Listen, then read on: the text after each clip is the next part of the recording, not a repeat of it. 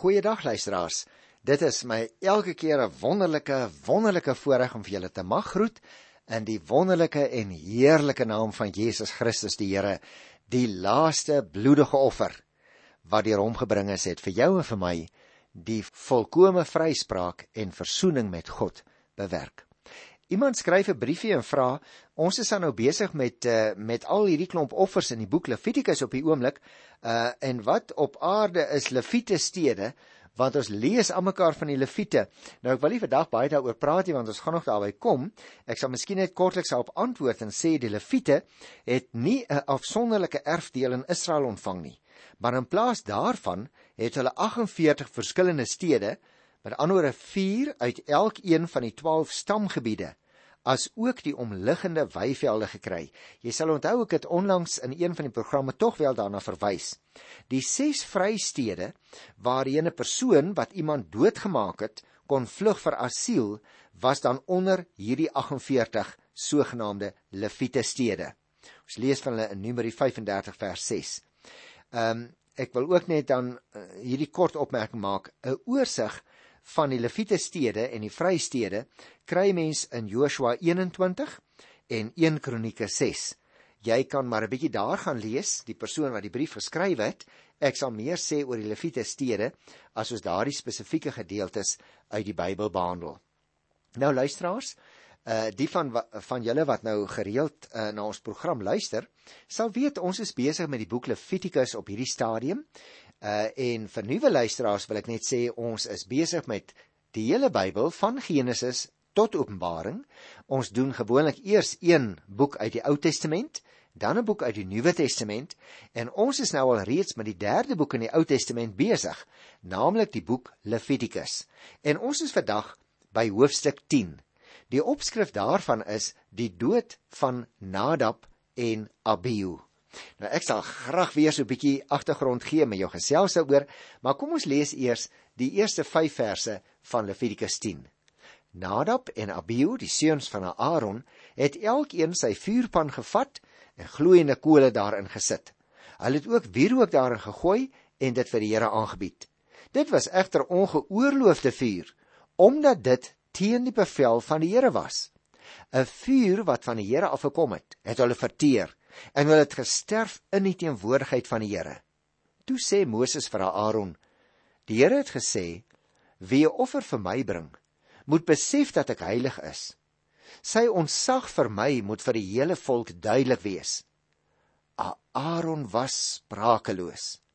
Moses het daarna vir Misael en Elisafan, die seuns van Aaron se oom Usiel, geroep en vir hulle gesê: "Gaan nader en vat julle familielede weg uit die heiligdom en dra hulle uit die kamp uit. Hulle toe nader gekom en die dooies in hulle ampsklere uitgedra na 'n plek buite die kamp soos Moses gesê het. Nou ek dink luisteraars ons eers hier is oor so 'n bietjie praat want dit is 'n baie vreemde en tog aan die ander kant 'n baie interessante gedeelte. Jy sien die priester wat in die tent van samekoms gewerk het, was in die onmiddellike teenwoordigheid van God en dit het van hulle onberispelike gedrag gevra en ook 'n stiptelike gehoorsaamheid van hulle vereis om die offers presies so te bring soos die Here hulle deur Moses beveel het. En nou kry ons hier skielik die verhaal van hierdie twee seuns van Aaron, Nadab en Abihu. Hulle het naamlik, so lees ons met ongeoorloofde vuur voor die Here gekom. Hulle het van 'n ander plek af kole na die altaar toe aangedra. En dit het natuurlik die offer onheilig gemaak. So het hulle die priesteramp misbruik en daarmee het hulle getoon dat hulle nie nodig respek vir die Here gehad het nie. Net soos in die geval van Korag, ons gaan nog by hom kom daar in Numeri 16, het die Here ook hier nie die oneerbiedigheid en die ongehoorsaamheid van die priesters verdra nie. Soos in die vorige gedeelte wat ons verlede keer bespreek het, toon die Here nou weer eens sy magtige teenwoordigheid met vuur. Maar hierdie keer vuur wat die priesters wat oortree het doodmaak. Jy sien, die heilige teenwoordigheid van God werk na twee kante toe.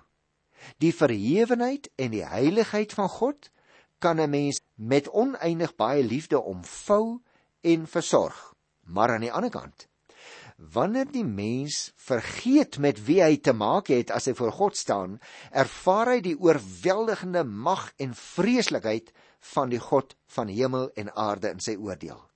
Net soos die regte offer die mens vir die Here aanneemlik gemaak het destyds, net so kon die verkeerde offers met oneerbiedige gesindheid gebring word na die tyd en dan het dit 'n mens verwerplik gemaak voor die Here. En dit is wat met hierdie twee uh broers gebeur, naamlik Nadab en Abihu.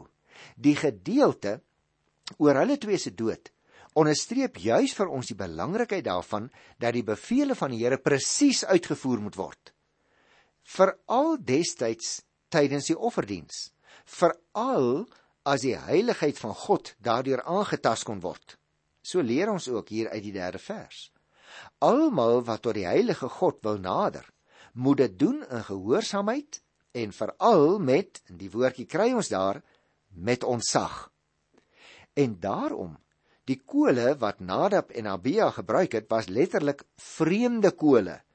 Ons vertaal dit dan ook deesdae, sal jy sien hier in 83 ver, uh, vertaling met ongeoorloofde vuur. Dit was met ander woorde kole van 'n doodgewone vuur buitekant die heiligdom. En nou het hulle met 'n graaf gegaan en van daardie kole op die heilige altaar kon gooi. Nie net die priesters en al die items in die heiligdom was heilig nie, maar ook die vuur op die altaar was heilig. Daarom sal jy onthou ek het die vorige keer met jou daaroor gepraat en verduidelik, die vuur van die altaar het nag en dag gebrand. Juis om daarmee afgesonderde vuur vir die Here te wees. Die belangrikste is egter dat wat hulle gedoen het teen die wil van die Here was. Dit blyk al reeds uit die eerste vers. Want jy sien enige lijk, ook die van 'n priester was onrein. En daarom moes die liggame van Nadab en Abihu na 'n plek buite die kamp toe geneem word. Nou kom ons lees hier uh van die 6ste vers af. Ek is nou by Levitikus die 10de hoofstuk. Want is 'n baie interessante gedeelte hierdie en ek wil nie graag 'n uh, 'n vandag 'n uh, gedeeltjie of 'n versie uitlaat nie. Ek lees van vers 6 uh tot by vers 7 net eers. Moses het Aaron en sy twee seuns Eleazar en Itamar beveel: Moenie rou deur julle hare onversorg te laat en julle klere te skeur nie. As julle rou, sal julle sterwe en sal die Here toornig wees op die hele gemeente. Maar julle volksgenote, al die Israeliete, mag rou oor hierdie vuurdood wat van die Here gekom het. En dan sê die 7de vers: Julle mag ook glad nie van die ingang van die tent van ontmoeting af weggaan nie. As julle dit doen, sal julle sterwe, want die salfolie van die Here het julle aan hom gewy. Hulle toe gemaak soos Moses gesê het. Jy sien luisteraar en ons het al daaroor gepraat, die hoë priester Aaron is nie toegelaat om aan 'n lijk te vat nie. Aangesien dit hom onrein sou maak. Sy twee oorblywende seuns kon dit wel doen. Maar in hierdie geval word hulle nie ingeroep om die lyke van 'n broers te verwyder nie. Die volgende naaste manlike bloedverwante moes dit doen volgens vers 4. Dit was verder vir die hoë priester natuurlik, soos hy onthou verbode om uiterlik te rou 'n Mens kry dit ook in uh, Levitikus 21 daarby vers 10. Of dit was selfs vir hom verbode om die heilige gebied te verlaat wanneer daar dood in die familie was. Dit sal ons ook nog in Hosea 21 teekom. Maar in hierdie geval geld dit nou ook vir Eleazar en Itamar. Dit wys net weer vir ons luisteraars hoe onsaglik heilig die Here is. En 'n mens kan, wanneer jy in sy teenwoordigheid kom, nie sommer maar jou eie reëls maak nie. En daarom kry ons hierna, lyk dit my nou weer 'n keer die onderstreping vir die voorskrifte van die priesters. Kom ek lees vir jou hier by Levitikus 10 vers 8 tot 11. Die Here het vir Aaron gesê: "Jy en jou seuns mag geen wyn of bier drink wanneer jy moet gaan diens doen in die tent van ontmoeting nie, want dan sal jy sterwe." Dit is 'n vaste voorskrif ook vir julle nageslag. Daar moet duidelik onderskeid gemaak word tussen wat gewyd is en wat nie gewyd is nie, tussen wat onrein en wat rein is. Julle moet al die voorskrifte van die Here deur Moses aan wat Moses aan julle gegee het vir die Israeliete leer. Nou let op luisteraars. Hier word Aaron direk deur die Here aangespreek. Uh, en dit is belangrik dat ons dit sal raak sien, want ons kry hier die belangrike verbod op die gebruik van drank tydens 'n priester se diensbeurt. Die priesters moes oor baie goeie oordeelsvermoë beskik. Hulle moes naamlik die volk leer wat reg is en wat verkeerd.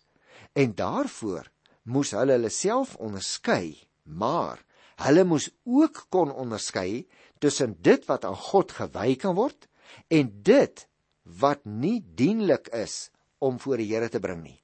En dit is die onderskeid tussen wat rein en wat onrein is in die alledaagse lewe. Hulle moes ook besluit wanneer dit die regte tyd is om iets wat rein is na die altaar te bring. Hulle kon dit sommer op enige tyd gedoen het nie. Nou omdat hulle nugtere oordeel aan die dag moes lê, is die priesters nie toegelaat om wyn of enige ander alkoholiese drank te gebruik terwyl hulle met hulle werk in die tabernakel besig was nie. Die Here wou naamlik nie hê dat hulle sintuie enigsins benevel moes wees as hulle met offers voor die mense optree en die offers namens daardie mense vir die Here bring nie. Jy sal miskien onthou daar's ook 'n Nuwe Testamentiese voorbeeld waaraan ek jou wil herinner. Paulus bid byvoorbeeld ook dat die Filippense se liefde al hoe meer sal toeneem in begrip en fyn aanvoeling sodat hulle let nou op sodat hulle die dinge kan onderskei waarop dit werklik aankom in die dienswerk van Jesus Christus. Jy sal dit kry in Filippense 1 daarby vers 9 en ook in vers 10. Die Christene moet soos die priesters van God destyds die korrel van die kaf kan onderskei daar buitekant in die lewe elke dag. En die sif wat daarvoor gebruik moet word is om die dinge te soek en te kies wat werklik tot eer van die Here is. Die dinge wat nie tot eer van die Here se naam strek nie, is onmiddellik onbruikbaar en dit moet eenkant gelaat word. En daarom is dit vir my so opvallend dat die Here hier direk vir Aaron aanspreek. Jy sien die verskil van die res van die boek waar Moses en Aaron die bevele van die Here ontvang en uh, dan meedeel aan Aaron of wie anders ook al. Maar hier praat die Here nie deur Moses met Aaron nie. Hy spreek Aaron direk aan. Die bevel van Aaron as verteenwoordigers van die priesters is drieledig. In die eerste plek was geen alkoholiese drank vir die priesters toelaatbaar voor hulle in die heilige deel van die tempel ingaan nie. Kyk maar na vers 9. In die tweede plek moes hulle onderskei tussen wat gewyd was en wat nie gewyd was nie, tussen wat rein was en onrein. En in die derde plek moes die priesters die volk onderrig in al God se voorskrifte. Kyk maar na vers 11. Die dieper liggende verband tussen hierdie opdragte is dus dat priesters eenvoudig moes besef in daardie tyd dat hulle werk in 'n sekere sin gevaarlik was. As hulle nie die offers gebring het volgens die voorskrifte wat die Here vir hulle gegee het of as hulle mense verkeerd geleer het, dan kon die Here hulle natuurlik met die oordeel tref. En hierdie geval wat ons vandag hier bespreek van Nadab en Abihu is hiervan 'n baie goeie voorbeeld. Daarom juis moes die priesters nugter en helder van verstand wees, veral wanneer hulle die heilige deel van die tempel ingegaan het. Die begrippe wat ons nou hier kry, gewyd en ongewyd of rein en onrein, word baie interessant hier in vers 10 saamgebruik.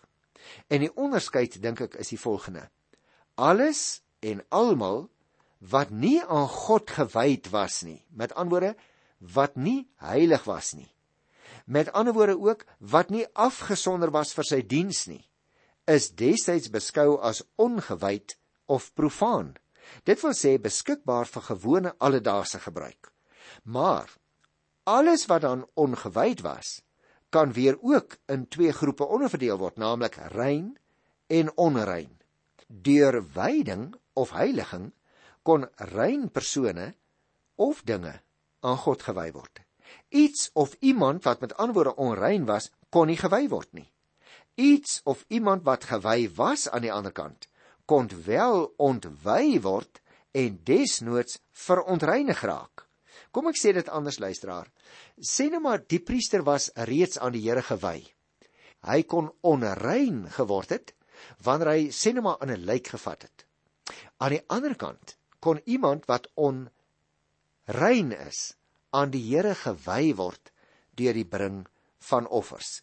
Dit is dus nakies wat met jou en my gebeur het. Ons is vanweë ons sonde onrein, maar op grond van die offer wat Jesus gebring het, is ons aan die Here gewy. As ons nou weer sondig raak as gevolg van dinge wat ons doen, dan bely ons daardie sonde en die Here vergewe ons. Maar goed, ek wil nog terugkeer weer keer hier na vers 8 en 11, want buite die heilige gebied, met ander woorde, in die wêreld van die profane, was onreinheid uh gewoonlik onoordraagbaar deur fisiese kontak. Die heilige of die gewyde een uh moes dus nie raak aan onrein dinge nie, want dan het hy homself verontreinig. Nou goed, gaan kom ons gaan nou aan hier na vers 12 toe. Vers 12 tot 15 in Levitikus by die 10de hoofstuk. Moses het vir Aaron en sy twee seuns wat nog geleef het, dit wil sê Eleazar en Itamar gesê: "Vat die graanoffer wat oorgebly het nadat die vuuroffer aan die Here gebring is en eet dit by die altaar. Daar mag nie suurdeeg bykom nie. Omdat dit 'n besonder gewyde gawe is, moet julle dit op 'n gewyde plek eet. Volgens die bevel wat ek ontvang het, is dit julle deel uit die vuuroffer. Nou luisteraars, ek gaan die res tot by vers 15 nou nie lees nie want ons ken dit baie goed. Maar ek wil graag uh, enkele opmerkings maak wat ek dink baie ter sake is. Dit gaan hier oor 'n vaste voorskrif oor die plek waar die priesters mag eet. Jy sien, die Here het naamlik voorgeskryf dat bepaalde dele van die offer deur die priesters geëet moes word. En sodoende is die priesters ook versorg, dit het ons al in 'n vorige program ontdek, en het daar niks van die offer wat aan God gewy was verlore gegaan nie. Die priesters moes egter nie hulle deel van die offer ontwy deur dit van die tabernakel af weg te dra nie. Die priesters moes dit daar langs die altaar eet by 'n plek waar deur God aangewys is. En deur hierdie vaste voorskrif is natuurlik nou voorsorg getref dat die doel van die offer, naamlik om aan God gewy te wees, gehandhaaf is. Selfs wanneer die priester en sy gesin daarvan mag eet. God se eer word deur hierdie hele reël tot in die kleinste besonderhede gehandhaaf. Dit wys weer vir jou hoe 'n mens moet let op jou optrede, dit wat jy doen en wat jy nie doen nie, juis as jy naby die Here wil lewe elke dag. Moses moes dus seker maak dat alles wat in verband met die offers gedoen word, goed sal afloop. Met ander woorde, dat die dele van die offers wat nie verbrand is nie, deur die regte persone op die regte plekke geëet word. Dis nakies. Omdat die graanoffer 'n besondere gewyde gawe was, kon alleen die gewyde priesters dit eet in die heiligdom. Die borstukke en die boude van 'n maaltydoffer is al albei as beweegoffers vir die Here aangebied. En tussen hakies net, onthou, beweegoffers en gewone offergawes kon op enige plek geëet word deur die familie van die priesters aan wie dit toegekom het. En dit blyk ook hier uit vers 14. Nou ja, goed, luisteraars, nou wil ek graag lees hier by vers 16 tot by vers 20 en dit sal ons bring tot aan die einde van die hoofstuk. Ek is nog steeds by Levitikus die 10de hoofstuk. Toe Moses op 'n keer navraag doen oor die sondeoffer, het hy uitgevind dat dit verbrand is. En hy was kwaad vir Eleazar en Itamar die seuns van Aaron wat nog geleef het. Hy vra toe: "Waarom het julle nie die sondeoffer op 'n gewyde plek geëet nie? Dis 'n besondere gewyde gawe en die Here het dit aan julle gegee om die sonde van die gemeente weg te neem." Dit is bedoel om vir hulle by die Here verzoening te doen. Omdat die bloed nie in die heiligdom ingeneem is nie, moes julle die sondeoffer in die heiligdom geëet het, soos ek julle beveel het. Dan sê vers 19: Aaron antwoord toe daarop: Die mense het vandag hulle sondeoffer en hulle brandoffer aan die Here gebring en tog het hierdie ramp my getref. Sou dit dan enige verskil gemaak het as ek die sondeoffer geëet het? Toe Moses dit hoor, was hy tevrede. Nou interessant dat ons hier aanvanklik lees hoe Moses ontevrede was. Nou die vraag is natuurlik hoekom? Kom ons gesels 'n bietjie daaroor. Want jy sien die priesters wat die sondeoffer moes waarneem, moes eers 'n deel van die vleis eet en dan moes hulle die res verbrand. Ons het dit geleer in Levitikus 6 vers 24 tot by vers 30. Nou was Moses kwaad omdat Eleazar en Itamar die offer verbrand het sonder om iets daarvan te eet. Met ander woorde, hulle het nie presies opgetree soos wat die Here gesê het nie. Hulle het nie maar gesê soos jy en ek baie keer doen. Ag, ek is net maar so gemaak laat staan, die Here sal verstaan. Ai, konna luisteraars. Hier was Moses kwaad omdat hulle nie presies die voorskrif van die Here nagevolg het nie. Aaron het nou aan hom verduidelik dat hulle gevoel het dit sou onvanpas wees om daarvan te eet nadat hulle twee broers Nadab en Abihu doodgemaak is omdat hulle nie aan die Here gehoorsaam was nie. En toe het Moses begin verstaan dat Eleazar en Itamar nie doelbewus aan die Here ongehoorsaam wou wees nie, maar eerder alles aan die Here wou afstaan, ook die deel waarop hulle self geregtig was. Die reël wat hulle dus gevolg het, was om alles vir die Here te gee, selfs ten koste van hulle self. Eerder as om iets vir hulle self op te eis en dalk te min aan die Here te gee. In die geloof moet God se dienaars by name steeds minder word sodat hy altyd meer kan word in ons lewens. Gaan lees gerus daaroor in Galasiërs 2 dat ons sal minder word en hy meer. Vers 19 tot 21. En daarom dink ek luisteraars dat ons hierdie gebeure in sy besondere konteks moet sien en ons moet 'n paar dinge opmerk. Die Here verwag dat jy en ek sal doen wat hy ons beveel. En ons leer dit uit hierdie gedeelte waar hierdie twee uh, seuns van Aaron, Nadab en Abihu, ongeoorloofde vuur gebring het. Wat hulle sommer daar iewers met 'n graaf van 'n ander vuur af bymekaar geskep het.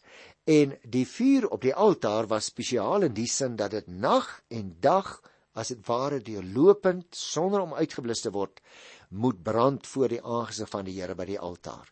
Maar hulle steur hulle nie daaraan nie en dan tref die Here hulle met die dood. En dan moet twee van hulle familielede kom. Uh en die neem die lyke weg. Maar hulle twee eie broers, die bring dan 'n offer waarvan hulle geregtig was om self 'n gedeelte te eet. Maar hulle voel hulle wil alles aan die Here offer. Maar selfs daaroor is Moses dan ongelukkig. Want hy sê dit is nie wat die reël van die Here sê nie. Wat moet ons hieruit afleer, jy en ek as Nuwe Testamentiese gelowiges? Dat ons in eerste plek moet onthou, die Here Jesus het vir ons 'n volkomme offer gebring. Maar dit spreek ons nie vry as ons sommer net willens en wetens nou dink ons kan doen net wat ons wil nie. Juis omdat hy vir ons 'n volkomme offer gebring het, daarom moet dit uit ons gehoorsaamheids en ons dankbaarheidslewens blyk dat ons die offer wat hy gebring het baie ernstig neem. Maar nou mag jy dalk sê, broer Johan, nou maar as ek nou sondig, mag ek nie teruggaan na die Here toe nie? Natuurlik, luisteraar. En dit is die wonderlike evangelie boodskap van Jesus Christus, van God se liefde wat hy vir ons het. As jy en ek sondig, kan ons elke keer na die Here toe teruggaan. Elke keer ons sonde bely en ons het die sekerheid op grond van God se woord, hy vergewe ons. Jy kan sê broer Johan, hoe kan jy dit weet? Gaan lees 'n bietjie in 1 Johannes 1 vers 8. As ons ons sondes bely, Hy is getrou en regverdig. Hy vergewe ons ons sondes. Wat 'n wonderlike wonderlike genadewoord. En op daardie punt van genade wil ek jou graag groet in die wonderlike naam van Jesus Christus, ons Here. En vir jou sê tot volgende keer in sy naam. bly naby die Here. Mag jy geseën wees. Totsiens.